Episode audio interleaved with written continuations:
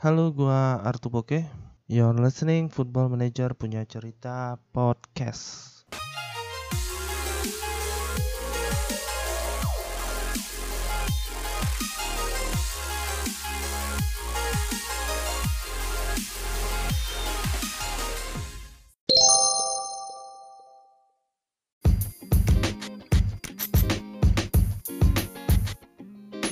Halo FM lovers, kalian mendengarkan Football Manager punya cerita episode terbaru, episode yang sudah lama jaraknya dari episode sebelumnya. Apakah kalian sudah bosan memainkan FM 19? Sudah berpuasa main FM 19 karena akan mau menunggu FM 20 biar semangat kalian masih timbul? Nah, kalau gue sendiri sih sepertinya untuk memainkan FM sudah sangat langka, sudah sangat mewah karena terbatas waktu. Mungkin saya ada buat episode khusus nanti bagaimana sih memainkan FM bagi teman-teman yang sudah waktunya kurang. Ini kita akan masuk ke FM 20 ya. Bagi kalian yang baru mendengarkan, Football Manager punya cerita adalah podcast khusus yang membicarakan tentang game Football Manager yang diciptakan oleh Sport Interactive Games. Jadi bukan Football Manager lain atau FPL atau beda. Ini Football Manager, game kecintaan kita semua, sebuah game simulasi tentang manajemen sebuah klub atau tim nasional atau tim sepak bola. Di edisi Football Manager punya cerita kali ini, ini sebenarnya adalah menyambung breaking news yang sudah pernah diterbitkan di sebelumnya bahwa Football Manager 20 sudah dekat waktunya. Sekarang ini adalah tanggal 8 Oktober 2019 pada saat podcast ini direkam. Kalau misalnya kita cek bahwa secara gosip-gosipnya bahwa Football Manager 2020 akan diterbitkan sekitar tanggal 8 atau 9 November. Artinya bagi kalian yang sudah pre-order, kalian sudah bisa mencicipi dua minggu lebih awal dari waktu rilis full yaitu sekitar tanggal 25 atau 26 bulan ini, Oktober 2019. Apakah kalian akan mempunyai waktu untuk memainkan Football Manager 20 ini penuhnya kalau dari gua pribadi ya mungkin waktu adalah sesuatu yang sangat mewah kali ini. Karena buat podcast ini aja mencuri-curi waktu. Untung waktunya pas rekam ini adalah waktu di mana mungkin Jakarta diberikan hujan setelah sekian lama. Waktunya ini tenang jadi enak jadi untuk ngobrol ya. Oke kita lanjut untuk Football Manager 2020 ngomongin Football Manager 2020 nah ini mungkin ada update untuk penamaan ya. Football Manager 2020 ini kalau dilihat di media sosial Football Manager at Football Manager twitternya dulu pernah disebut bahwa nama resminya adalah FM 2020 tapi mungkin setelah dilihat-lihat makin dekat kayak mah udah ribet ya kalau ngomong FM 2020 akhirnya kembali disingkat menjadi FM 20 nah kalau kita sudah kurang lebih tahu nih atau bocorannya ini tanggal berapa rilis kira-kira apa saja sih berita-berita tentang fitur baru dari FM20 ini? Nah di episode ini kita akan membahas sepenuhnya mengenai bocoran apa untuk fitur-fitur terbaru dari FM20 apakah fiturnya baru ini akan membuat kalian bersemangat lagi memainkan FM atau mungkin ah gak terlalu bagus ternyata. Kita akan bahas ya. Kita masuk ke sesi selanjutnya.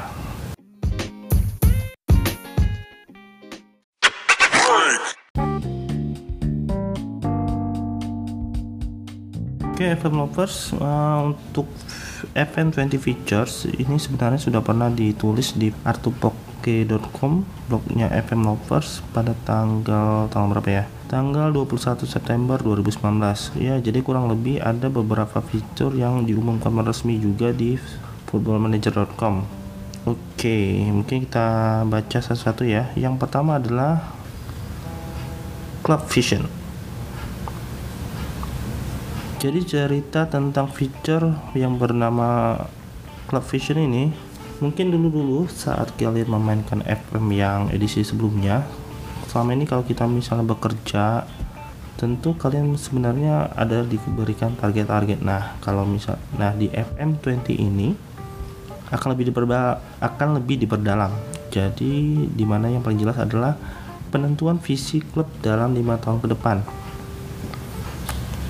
Ini enggak lima tahun langsung ya. Misalnya kalian baru ditawari kontrak cuma satu tahun tentu ini club visionnya belum terbuka untuk di pembicaraan dengan board. Tetapi kalau misalnya kalian di tahun-tahun sudah advance jadi mungkin kalian sudah ditawari kontrak sekitar 3 sampai 5 tahun maka club vision dari klub ini akan mengikuti masa kontrak kalian. Mis taruhlah kalian akan ditawari kontrak selama 5 tahun maka dalam salah satu sesi diskusi dengan board pada saat kalian pertama kali datang maka ada beberapa item yang akan didiskusikan. Seperti club visionnya antara lain uh, apa sih club culture-nya?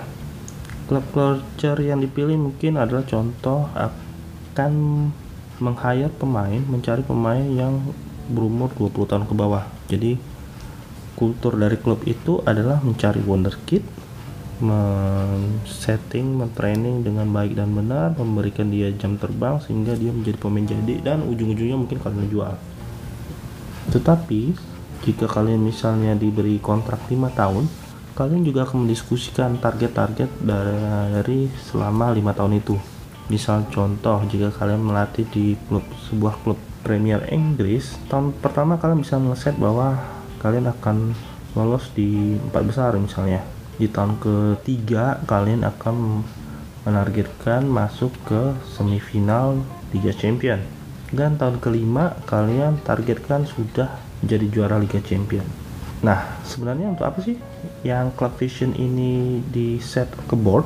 Dengan penentuan club vision ini nanti kalian setiap akhir musim akan ada semacam skor dari board jadi misalnya kalau kalian di FM 19 kalau setiap akhir musim kalian mendapatkan hmm, semacam berita dari board jadi cuma berupa bar performance achievement jika kalian misalnya sesuai dengan target kalian akan barnya full. Nah maka kalau di club vision ini scoring dari boardnya akan berbentuk nilai. Jadi dari A plus sampai misalnya kalau fail F mungkin ya jadi misalnya kalian target dari club vision tadi kalian di tahun ketiga sudah berhasil mencapai final Liga Champion.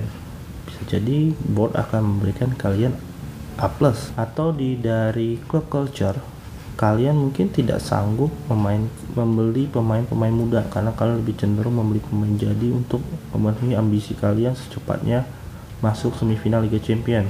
Mungkin board akan memberikan nilai C nah nanti semua scoring dari board ini akan di sum menjadi scoring kalian.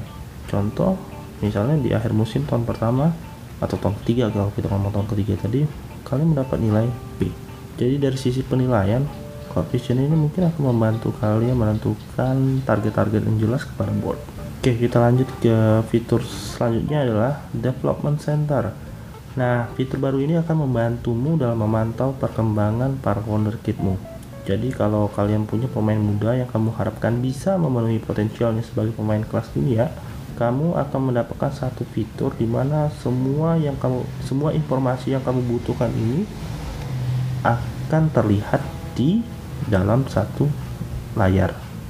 Misalnya contoh kalian ada memantau beberapa pemain muda. Nah, itu akan dilihat kan seperti ada advice-nya dari pelatih apakah dia akan masuk kandidat first team kalian atau ada beberapa klub yang memberikan penawaran atau misalnya pemain-pemain muda kalian di tim under 18 atau reserve? Ini akan diberikan semacam uh, advice dari staff kalian mengenai development. Misalnya contoh akan ada pelatih yang memberikan saran. Kalau kalian dulu sebelumnya sih di FM sebelumnya kalian akan melihat uh, report semacam ini di staff report. Tetapi kalau sekarang dengan adanya development hub ini akan terlihat di dalam satu layar. Misalnya ada advice dari pemain bahwa salah satu pemain cukup untuk menjadi pemain backup dari back utama kalian. Atau misalnya ada pemain potensial yang dari klub lain akan dikumpulkan dalam satu layar menjadi nama-nama pemain yang menjanjikan untuk menambah daya gedor tim kalian. Kurang lebih ini kalau saya anggap sih adalah salah satu sisi kosmetik ya, presentasi dari FM ini yang memudahkan kalian untuk melis pemain-pemain yang kalian akan targetkan untuk ditarik atau pemain-pemain muda kalian yang dipinjamkan keluar atau kalian latih di klub yang sudah kalian setting bahwa ini akan menjadi pemain yang bagus untuk menembus tim utama kalian. Nah, itu berkaitan dengan ini sebenarnya ada satu lagi fitur baru yaitu playing time pathway. Ini menarik buat saya karena jadi ada salah satu bagian dari negosiasi kontrak ke pemain muda kamu bisa saja menambahkan klausul jalur karir bermain atau playing time pathway.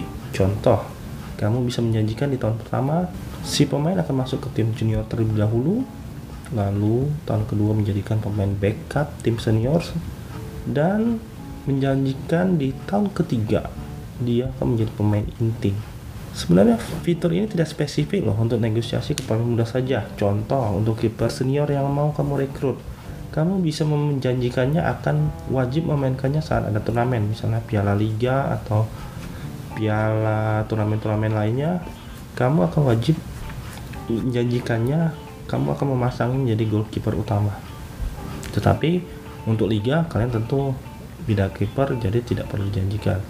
Kenapa ini penting? Jadi misalnya dari sisi moral goalkeeper ini nggak akan terlalu unhappy saat kamu tidak memainkannya di liga tetapi akan beda kasus kalau kamu tidak memainkannya saat ada turnamen Piala Liga karena tentu itu namanya melanggar janji. Menarik ya. Fitur selanjutnya adalah background staff. Ini kurang lebih staff akan menjadi lebih penting. Ya katanya ya. Tapi menurut saya pribadi, hal ini hanya berarti akan lebih banyak advice yang diberikan staf pelatihmu dalam hal taktik dan lainnya. Yang lebih tentu nih, makin baik atribut pelatihmu, maka akan makin detail dan akurat advice, advice yang diberikan. Jika kamu adalah seorang perfeksionis yang ingin mengetahui lebih detail terhadap segala hal yang bisa memperbaiki atau membuat permainan timmu lebih bagus, kamu sepertinya bakal suka dengan fitur ini.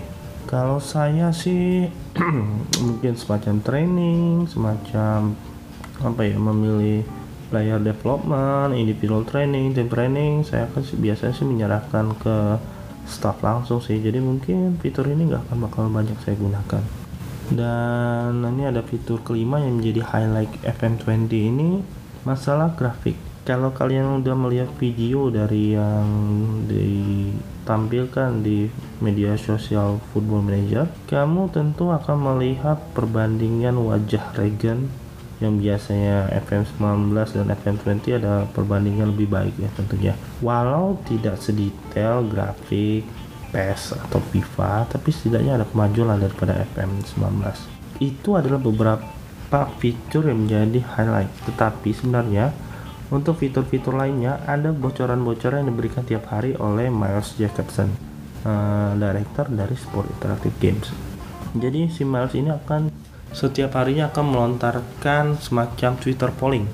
Ada ada empat feature yang akan kita voting. Nah, feature yang paling banyak dipilih esoknya dia akan memberikan bocoran tentang apa sih? Misal contoh dia memberikan empat opsi masalah closest transfer, masalah achievement, masalah uh, staff atau masalah grafik detail. Nah, jika kamu misalnya contoh memberikan transfer, akan ada beberapa detail yang diberikan oleh Mars Jacobson sebagai fitur baru di FM20 ini. Kita bicarakan di sesi selanjutnya ya.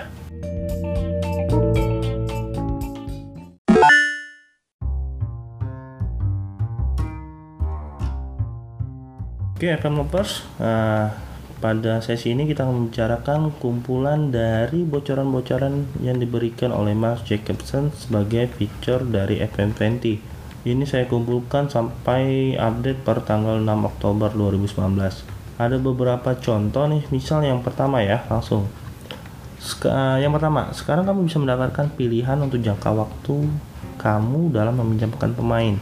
Bisa kamu set bebas berapa bulan. Jadi misalnya di set 3, 4 atau 5 bulan atau 7 bulan bebas atau bisa spesifik nih sampai ke akhir musim berjalan atau akhir musim depan atau saat jendela transfer musim selanjutnya. Jadi banyak kan ya. Yang kedua, sekarang Stavo akan memberikan peringatan kalau misalnya saat memberikan perpanjangan kontrak, pemainnya ini akan menemui masalah dalam hal work permit.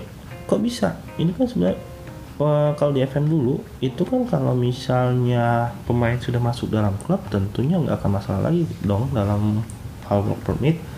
Tapi di FM20 karena ini sepertinya feature khusus untuk tim Liga Inggris. Jadi karena dampak dari Brexit bisa saja pemain yang awalnya no problem dalam hal work permit ke depannya bakal jadi bermasalah. Yang ketiga adalah stat- statistik baru yang akan ditampilkan di profil goalkeeper seperti jumlah penalti yang dihadapi dan jumlah penalti yang dapat diselamatkan. Membantu banget kalau kamu ingin memilih siapa kiper spesialis saat misalnya ada adu penalti di akhir pertandingan. Yang keempat, saat kamu melakukan setting tampilan manajermu untuk ba- warna baju dan celananya bisa kamu setting mengikuti warna klub. Jadi misalnya kamu pindah klub Fiorentina misalnya yang serba ungu, nanti celana atau bajumu yang kamu set mengikuti warna klub ini akan mengikuti warna ungu. Pindah ke Manchester United yang serba merah, maka warna bajumu akan mengikuti warna merah. Jadi kalau kamu pindah klub, tenang, fashionmu juga akan ikut update. Bocoran selanjutnya yang kelima adalah biasanya kalau kamu sudah sukses nih berkarir dalam suatu klub, menghadirkan banyak trofi untuk klubmu sampai taruhlah lebih dari lima tahun sampai masuk list dari icon atau jendela legenda klub. Lalu kamu resign. Nah, di FM sebelumnya, contoh di FM 19, biasanya kamu hanya akan diberikan semacam berita terima kasih oleh board untuk apa ya untuk pencapaian yang diberikan olehmu sebagai manajer klub dengan trofi-trofimu mengucapkan terima kasih. Nah, kalau sekarang di FM20, board akan mencoba membujukmu untuk mempertimbangkan keputusan resign. Bahkan, board akan bersedia untuk mendiskusikan syarat-syaratnya agar kamu bisa bertahan. Menarik kan? Yang keenam, kamu bisa saja melakukan protes jika board seenaknya menerima tawaran transfer kepada pemain, bintangmu tanpa ada persetujuan darimu. Ini misalnya kalau kamu tidak diberikan kebebasan dalam menentukan hal transfer atau misalnya direktur secara langsung mengambil menerima jika ada misalnya ada pemain bintangmu ditawar 200 juta euro karena nilainya besar board langsung uh, setuju menerima tawaran. Nah, bisa saja kamu protes di sini. Oke, selanjutnya tuh 2 3 4 5 6 yang ketujuh. Nah, kamu sekarang bisa loh meminta board untuk membuat tim reserve kalau klub kamu tidak punya tim reserve. Jadi misalnya hmm, klub ini kan kalau klub miskin misalnya belum mempunyai keuangan yang cukup. Nah, jika di dalam save fundmu nanti sekitar 5 atau 10 tahun ternyata dia setelah menjadi klub kaya, prestasi dan kaya dalam hal keuangan dari sebelumnya tidak ada tim reserve, nah kamu bisa saja minta board untuk membuat tim reserve.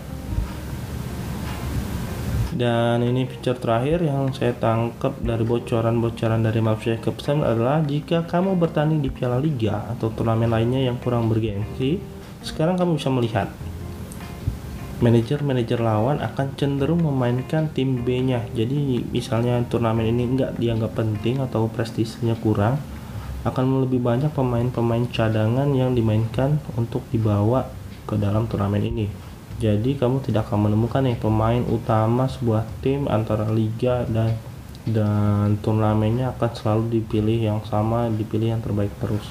Oke, itu dulu fitur-fitur yang diumumkan atau dibocorkan untuk FM20. Saya ada tambah satu bocoran nih. Posisi pemain terbaru yaitu inverted wingers.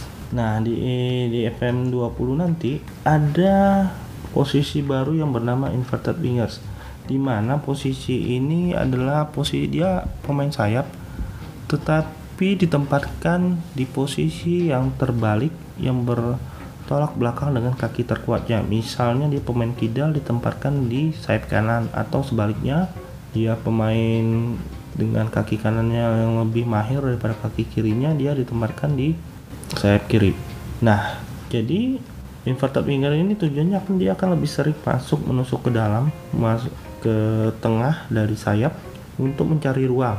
Apakah dia akan masuk mendribble atau dia akan nanti selanjutnya memberikan umpan ke penyerang kalian atau dia akan langsung menembak ke gawang lawan. Nah, dengan adanya inverted wingers ini kalian mungkin akan lebih bisa memanfaatkan apabila winger kalian mempunyai finishing yang bagus. Contoh pemain di dunia nyata inverted wingers, Robben dan Ribery. Kebayangkan?